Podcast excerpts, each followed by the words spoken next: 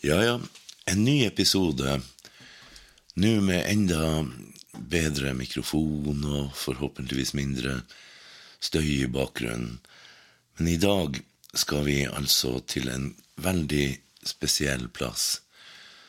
Et ufattelig vakkert sted hvor jeg har kosa meg fryktelig, men hvor historien er voldsomt hard, for å si det mildt.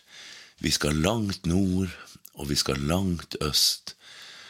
Sånn jeg har kommet meg dit, er ved at vi har seilt i dagevis i Barentshavet fra Vardø eller Kirkenes og rundt hele Kolahalvøya, inn i den delen av havet som kalles for Kvitsjøen, som ligger bak, altså sør for Kolahalvøya, og deretter til ei øygruppe som heter Solovjetskijøyene, eller Solovki. Der er det aldeles ufattelig vakkert, og på en solskinnsdag der er det umulig å se for seg at historien kan være sånn som den faktisk er. Så heng på, så skal du få høre historien om Solovki.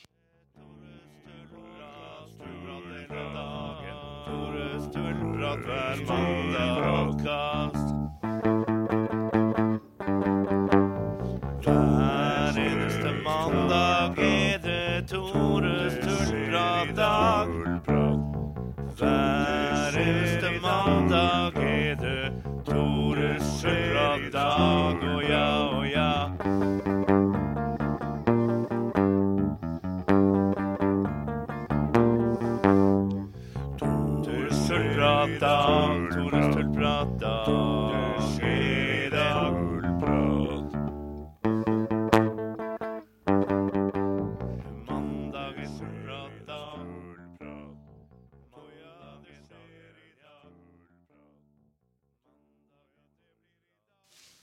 Solovkia.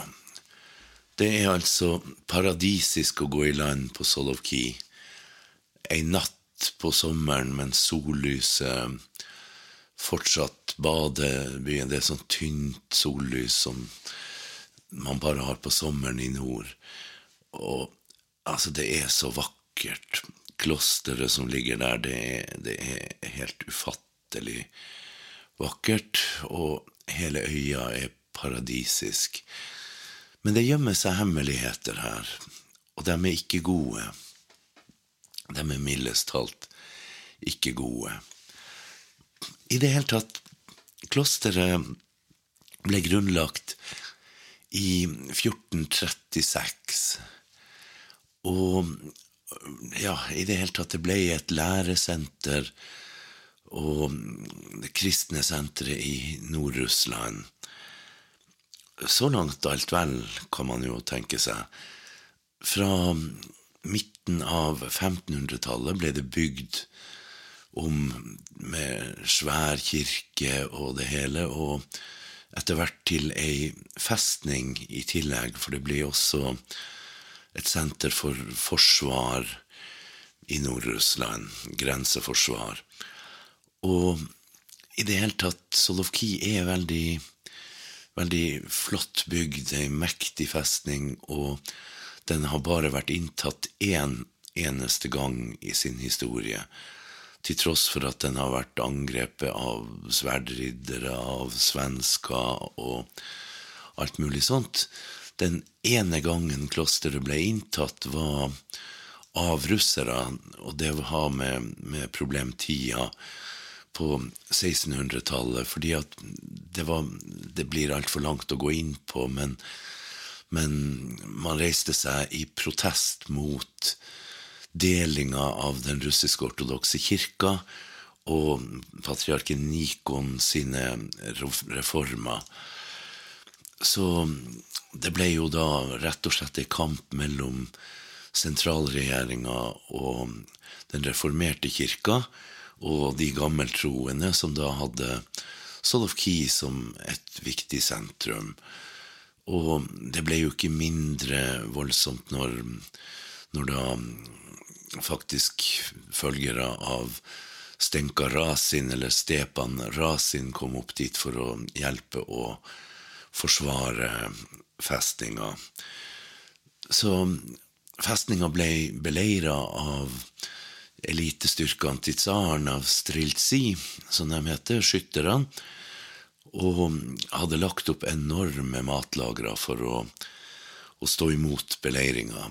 Men til slutt så ble de altså da forrådt av en munk som bodde på Solovki, som viste angriperne et vindu de kunne, kunne komme seg inn gjennom, og i ly av en snestorm så tok soldatene seg inn i klosteret, og det ble ekstremt blodig.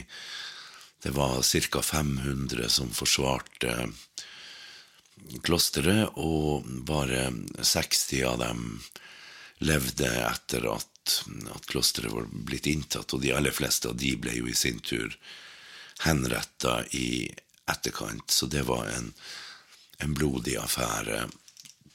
Ellers har altså klosteret motstått ethvert forsøk på å innta det.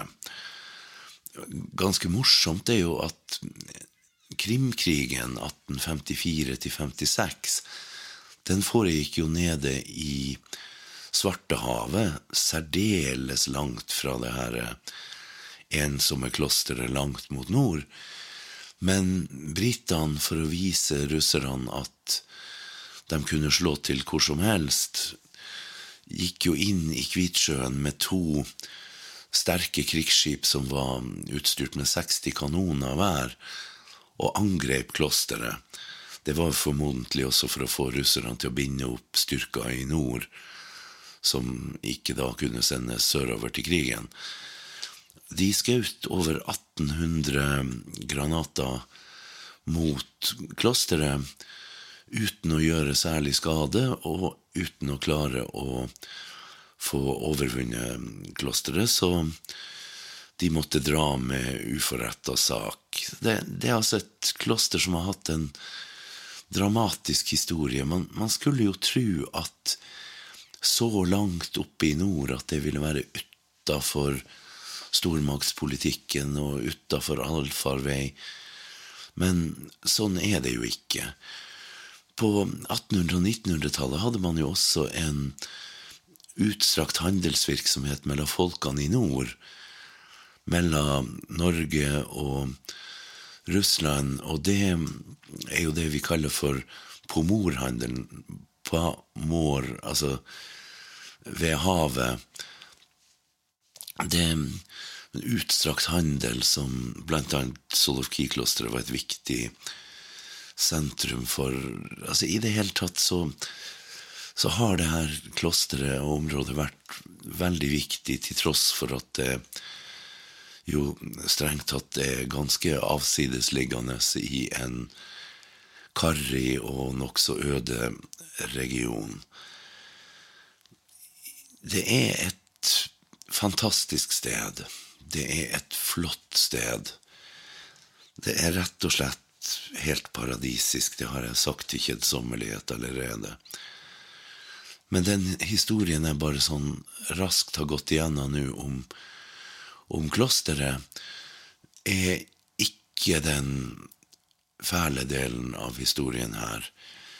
Det er det faktisk ikke. For etter revolusjonen så ble Solovki-øyene gjort om til en fangeleir. Man hadde en borgerkrig. Fanger fra den hvite armeen, som altså slåss mot de røde, ble sendt dit. Og i 1923 var det jo bolsjevikene som endelig da overtok øyene og leiren, og gjorde den til en spesialstraffeleir med forkortelsen Slån. Og Slån er jo da ikke bare en forkortelse for et langt navn på fangeleiren, det betyr også elefant på russisk. så en sånn sarkastisk og litt vond vits fra sovjettida var jo at hvis man ble arrestert og sendt av gårde, så dro man for å se elefanten. Nå er det ikke så mange elefanter på Solovki at det gjorde noe, men det var veldig mye annet. Og veldig mye utrivelig. Det skal vi snakke ganske mye om om et lite øyeblikk.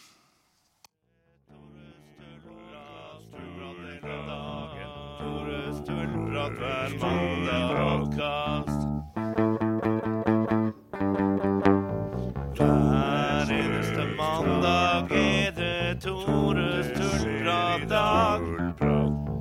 Hver eneste mandag er det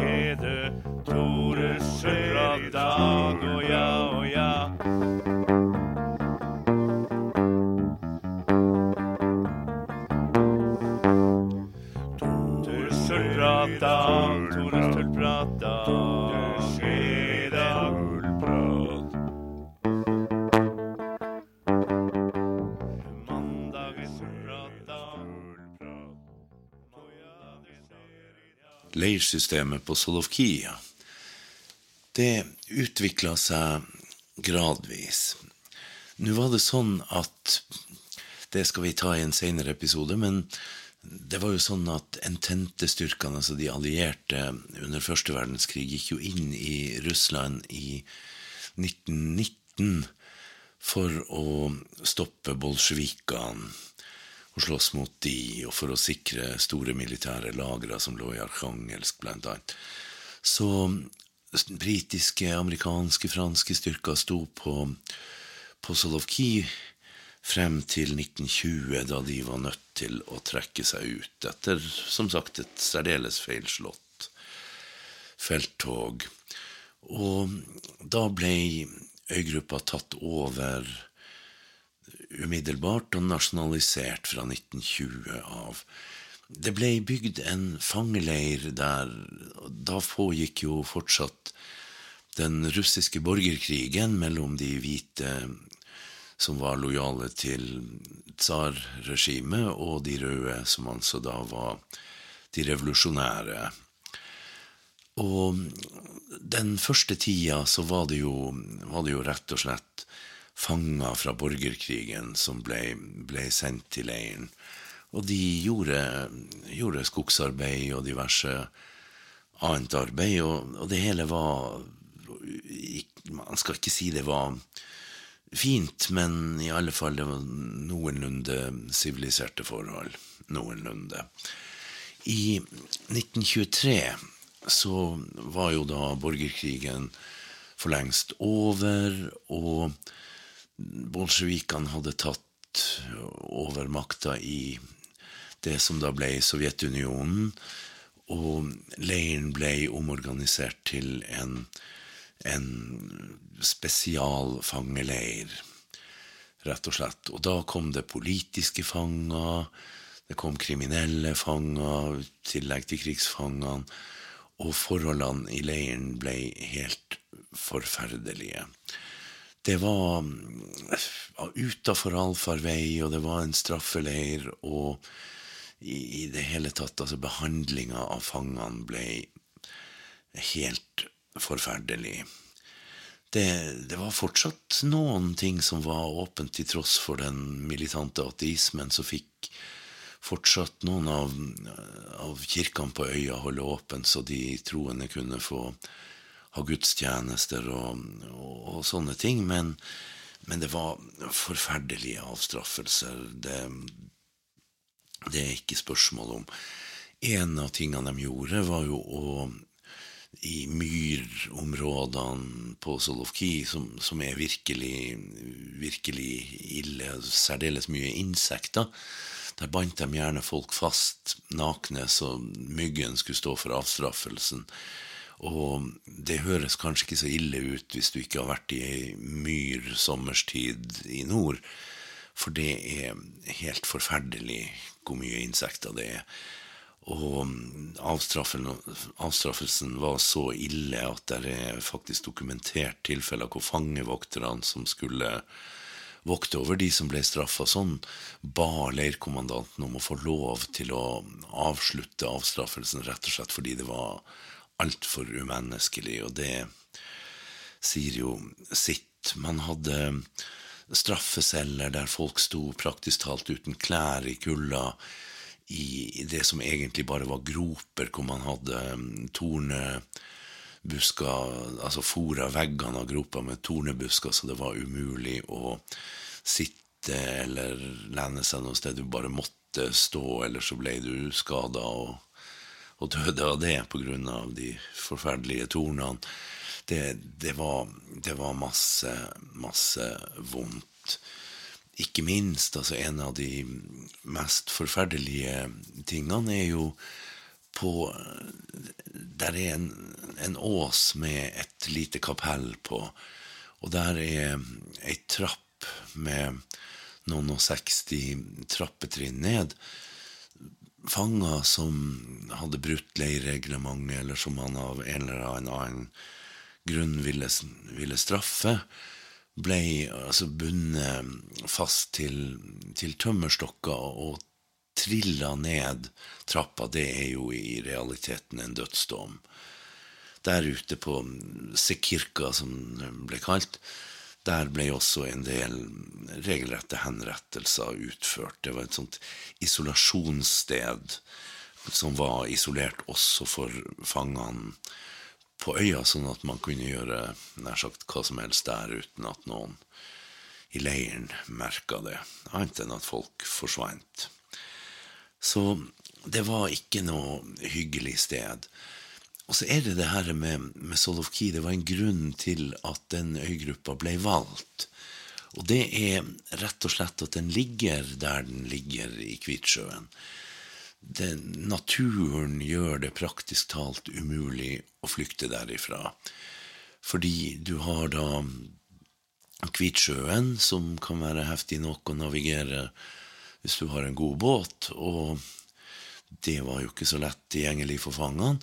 På vinteren så fryser jo Kvitsjøen til, så det er jo umulig å ta seg over isen. Og det skjedde jo noen ganger. Det var flukt om ikke særlig mange, og i hvert fall ikke mange som klarte det.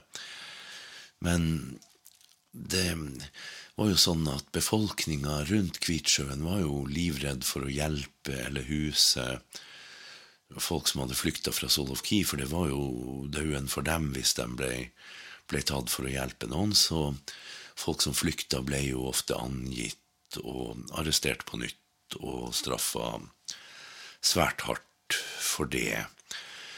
Men det var likevel noen få som klarte å flykte, klarte å komme seg ut.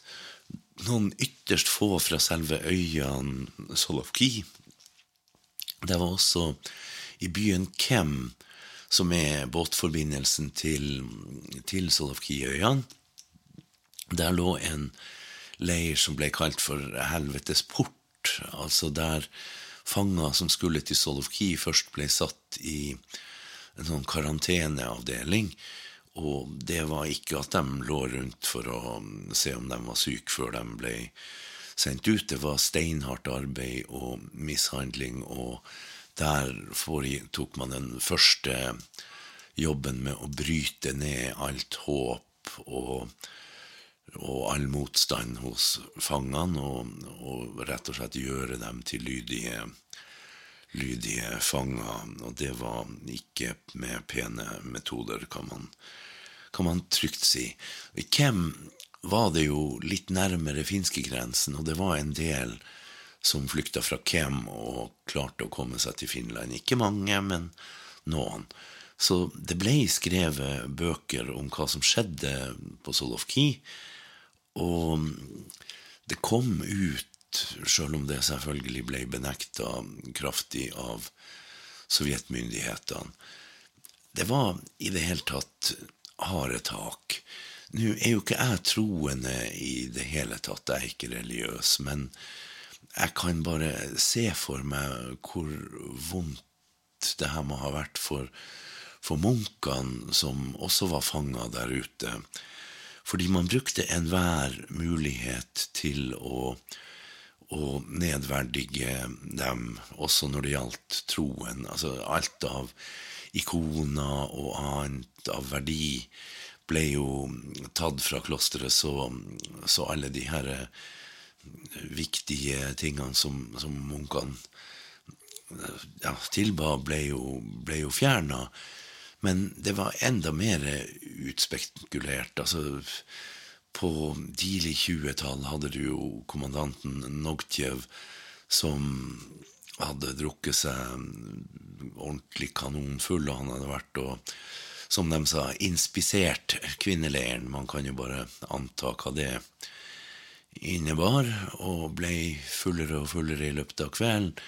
Og på natta ble altså da fangene vekka og tvunget til å, å stille opp inne i hovedkirka, mens da kommandanten brante som en bryggesjauer mens han rei hesten sin opp trappa opp på alteret, det aller helligste i russisk kirke, og der sto han på hest og bantes til fangene, noe som gikk veldig hardt inn på de, fordi at det aller helligste i ei russisk kirke er, er særdeles hellig. Alteret er i et rom bak den såkalte ikonostasen, altså ikonveggen. Så menigheten står på ene sida av ikonveggen, og alteret er altså på andre sida, i et rom der bare prestene er. Det et så hellig sted at bare prester skal være der. Etter hvert så fant man jo en enda enda verre måte å ydmyke munkene på. og Det var rett og slett ved at der, på alteret, satte de opp rett og slett latrinene, sånn at munkene ble tvunget til å gjøre fra seg på det aller helligste stedet i hele klosteret. Og ja, det er jo en I tillegg til alt det fysiske med steinhardt arbeid og svært små matrasjoner og harde avstraffelser og alt sånt, så kan man tenke seg hva den ekstra ydmykelsen, den psykiske torturen med å måtte gjøre fra seg på det helligste stedet, må ha gjort med dem. Det, det, er, det er groteskt. Det er rett og slett groteskt. Og bare for å illustrere hvordan historien her er, det her var jo prototypen på det som skulle bli fangeleirene i det såkalte Gulag-systemet. Og metodene som ble utvikla der til å bruke fangene på alle mulige måter til arbeid og av, til avstraffelser og tortur og alt sånt, skulle jo bli da videreført i fangeleirer over hele Sovjetunionen etter hvert. Men det var faktisk sånn at i 1929 så kom det en delegasjon, en kommisjon, fra OGPU, som da var organisasjonen som styrte leirene. Og den var leda av en kar som het Aleksandr Sjanin. Sjanin undersøkte forholdene i leiren og skulle jo undersøke muligheter for å bruke fangene til, til arbeid, rett og slett få nytte av dem rundt om i Sovjetunionen og sånt. Men han dokumenterte jo også, også forholdene for fangene, og han så jo at fangene ble, ble sadistisk behandla og ødelagt som arbeidskraft og alt sånt under det her forferdelige regimet i leiren. Og hans rapport var såpass sjokkerende at da lederen for OGPU, Genrik Jagada, han beordra rett og slett arrestasjon av de verste sadistene som, som plaga og ødela fangene. Altså, det her var jo under Stalin-regimet. Det her var i 1929. Og i det hele tatt Altså, når forholdene i en leir er så ille at de er for ille for Stalin-regimet at man finner ut at noe må gjøres, da er det ganske ille. Så det var ganske mange fangevoktere som ble arrestert, og ledere. Det var 38 stykker, og av dem ble ganske mange rett og slett henretta for det de gjorde der ute. Men det hele skjedde jo i, i hemmelighet. Det ble ikke kunngjort noe sted at det ble rydda opp på Solovki, og det, hele Man ville heller ikke demoralisere de som jobba i leiren, så folk ble jo plukka ut litt og litt og dømt i hemmelige rettssaker og henretta i hemmelighet. Så det var faktisk et lite forsøk på å rydde opp i forholdene i leiren, men det betydde ikke at det ble himmelrik på jord. Det betydde bare at noe av den aller verste sadismen rett og slett ble avvikla. Men det var jo flere massehenrettelser av fanger der ute under den store terroren når man kommer til 37-38. I hvert fall 1600 fanger. De ble tatt over til fastlandet og, og skutt der, men så ble jo også noen hundre skutt ute på, på Solovki-øyene. Så det er ikke, ikke noen trivelig historie, heller ikke etter kommisjonen fra 1929. Etter hvert så ble altså da fangene brukt til, til hardt arbeid, straffarbeid, rundt om mange steder i Sovjetunionen, og denne leiren sendte blant annet veldig mye folk til å bygge Kvitsjøkanalen. Den skal jeg lage en egen episode om seinere. Men den er jo et mesterverk av ingeniørkunst, og samtidig et monument til hvor ekstremt man kan bruke opp mennesker for å nå et mål. Det var aldri bra forhold når det gjaldt mat der ute. Det var tre klasser med, med rasjoner. Det var de fangene som var vurdert å være i stand til hardt arbeid. De fikk mest, men de fikk ikke mer enn at det akkurat klarte å holde et voksent menneske i gang med, med arbeid. Så det var regelrett sult. Altså, de, de var aldri mette. Så var det en klasse to med, med da fanger som var vurdert å kunne gjøre lettere arbeid. De fikk en halv gang mindre mat. Det var absolutt ikke spesielt mye, det heller.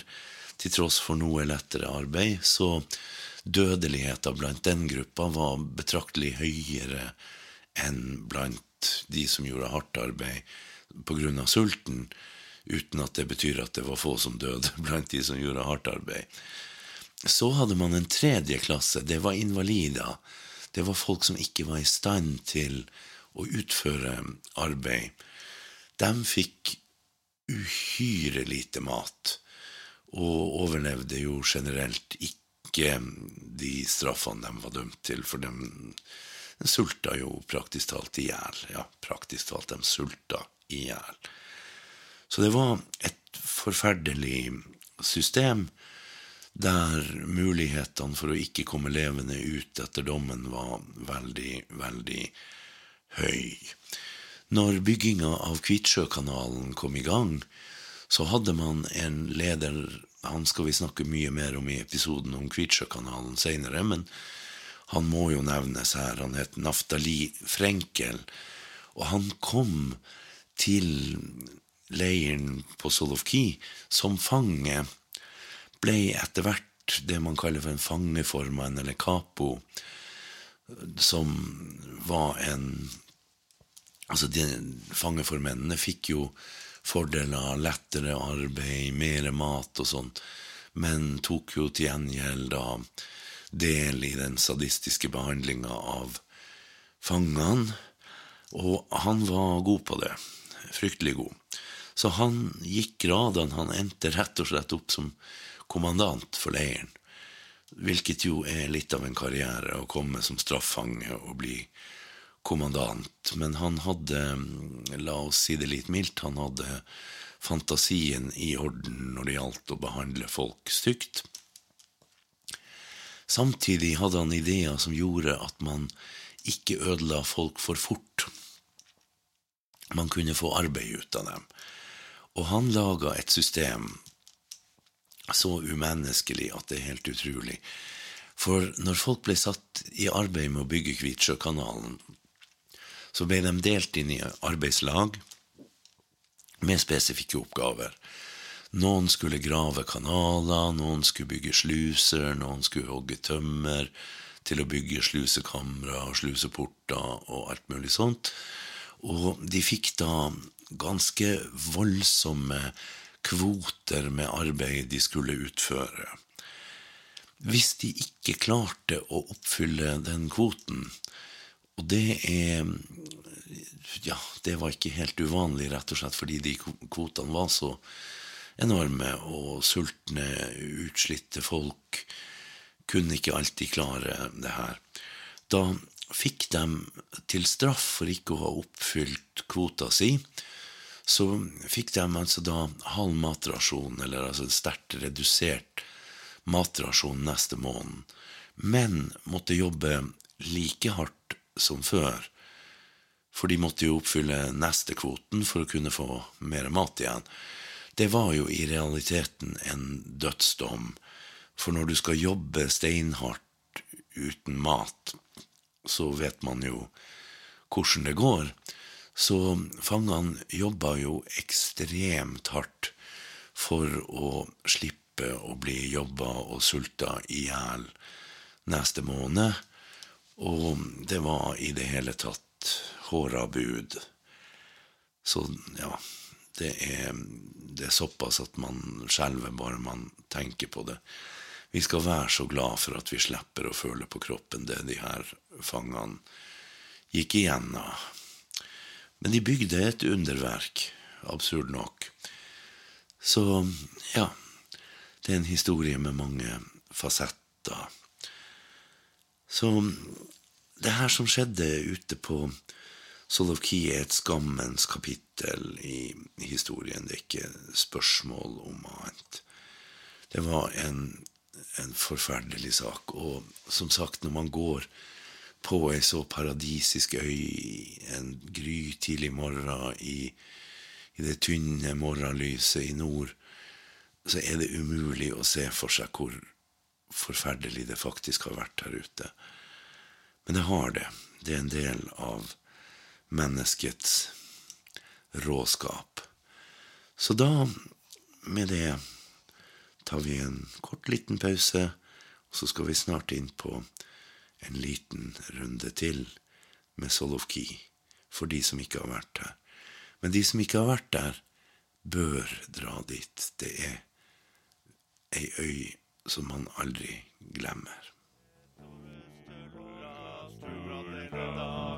Tore Stølprat hver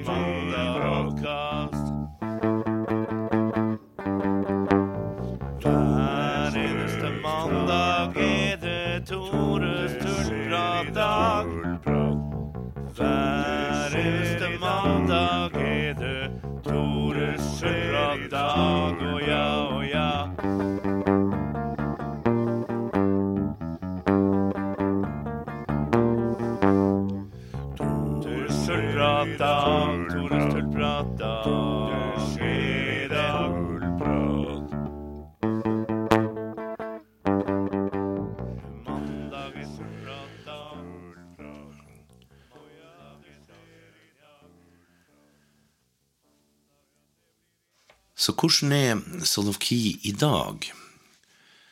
Det er jo ei øygruppe som ligger ganske avsides til ute i havet i Kvitsjøen. Det var sånn før i tida at det gikk dampbåt fra Arkhangelsk, som ligger lenger nord i Kvitsjøen ved elva Dvina. Den går jo ikke lenger, men det er en liten flyplass på øya, sånn at man kan komme seg med fly fra Arkhangelsk til Solovki. Ellers er det vanligste å komme seg til Solovki via byen Kem, som ligger vest for, for øygruppa. Derfra er det båtforbindelse, så det er mulig å komme seg dit. Og det er en del turisme der, hovedsakelig russere, da. Det er sykkelutleie på øya, noen hoteller og, og sånt. Og så er det klosteret. Og klosteret er aldeles usigelig vakkert.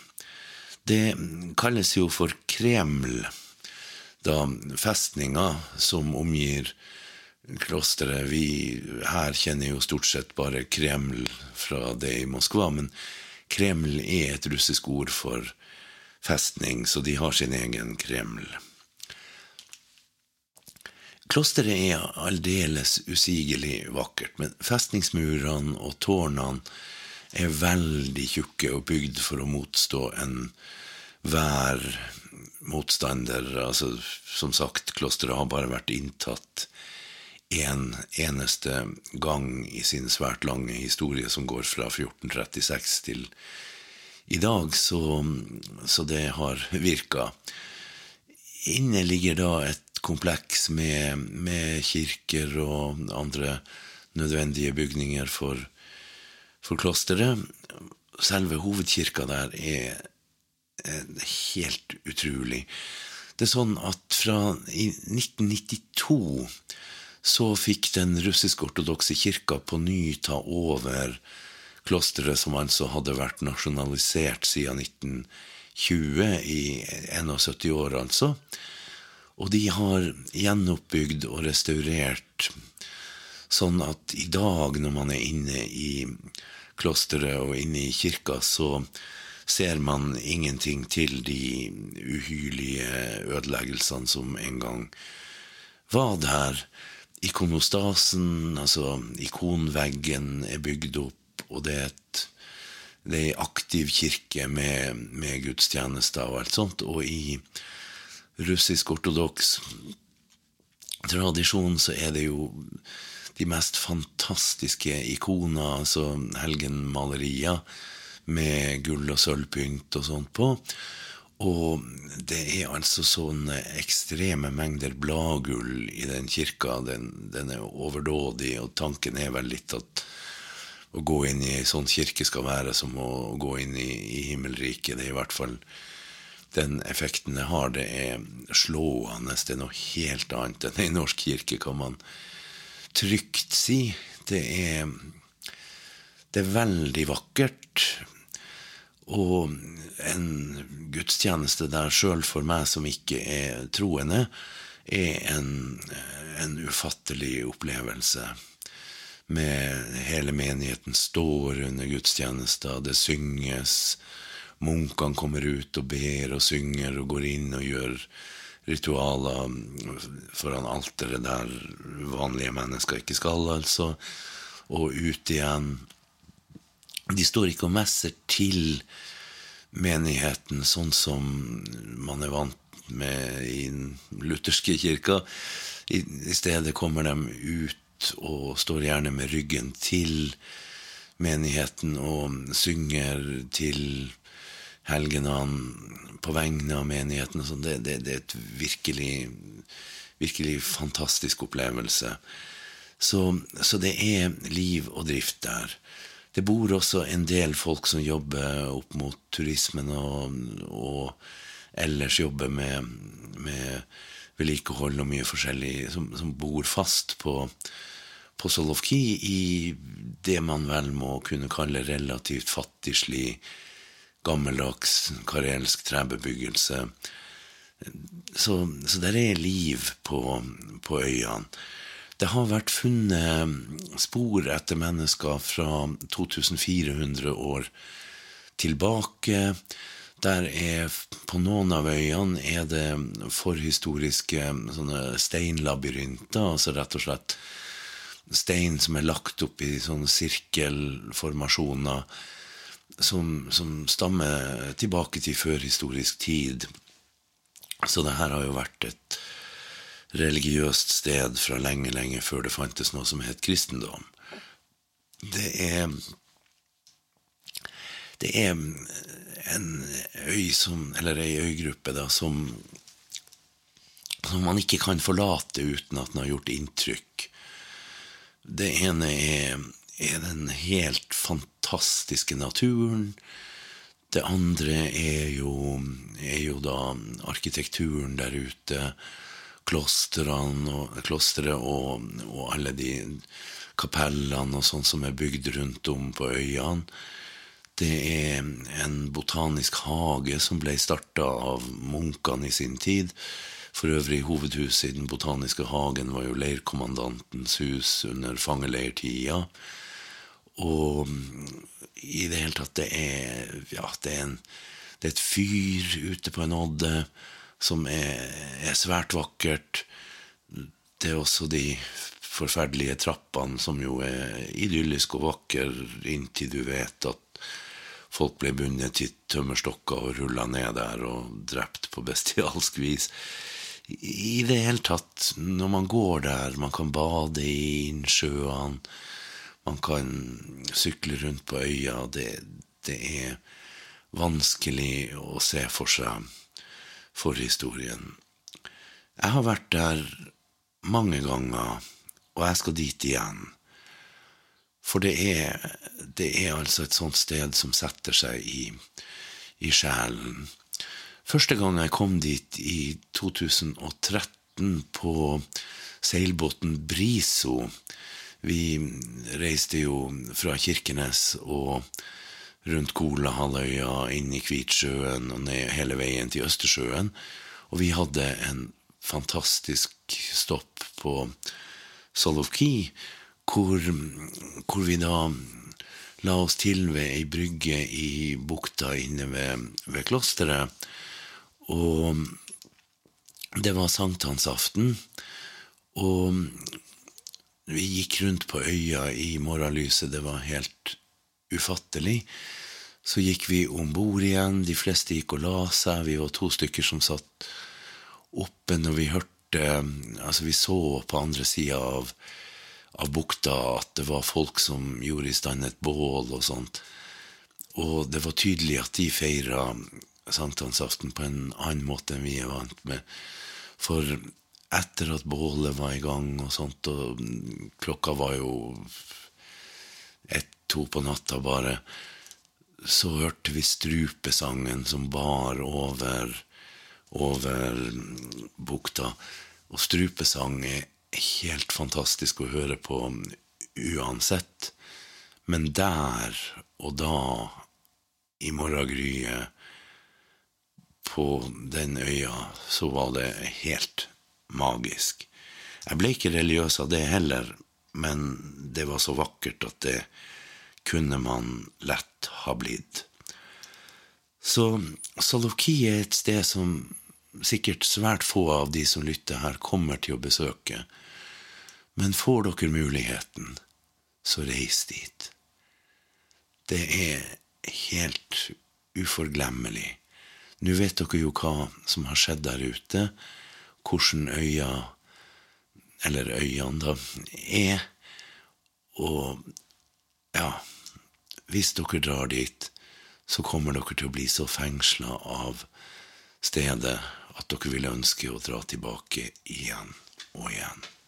Solovki er et grufullt sted på en måte, og et helt fantastisk sted på andre måter. Takk for at du har fulgt med på denne episoden også. Bli med på de neste. Nå har jeg snakka nok om Solovki for øyeblikket, men vi skal tilbake til de områdene mange ganger.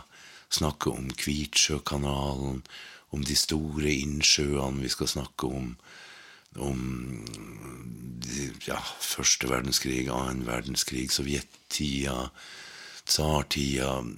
Det skal bli veldig mye mer om de helt utrolige vannveiene i øst. Men nå har det vært om Solovki, og nå sier jeg takk for meg.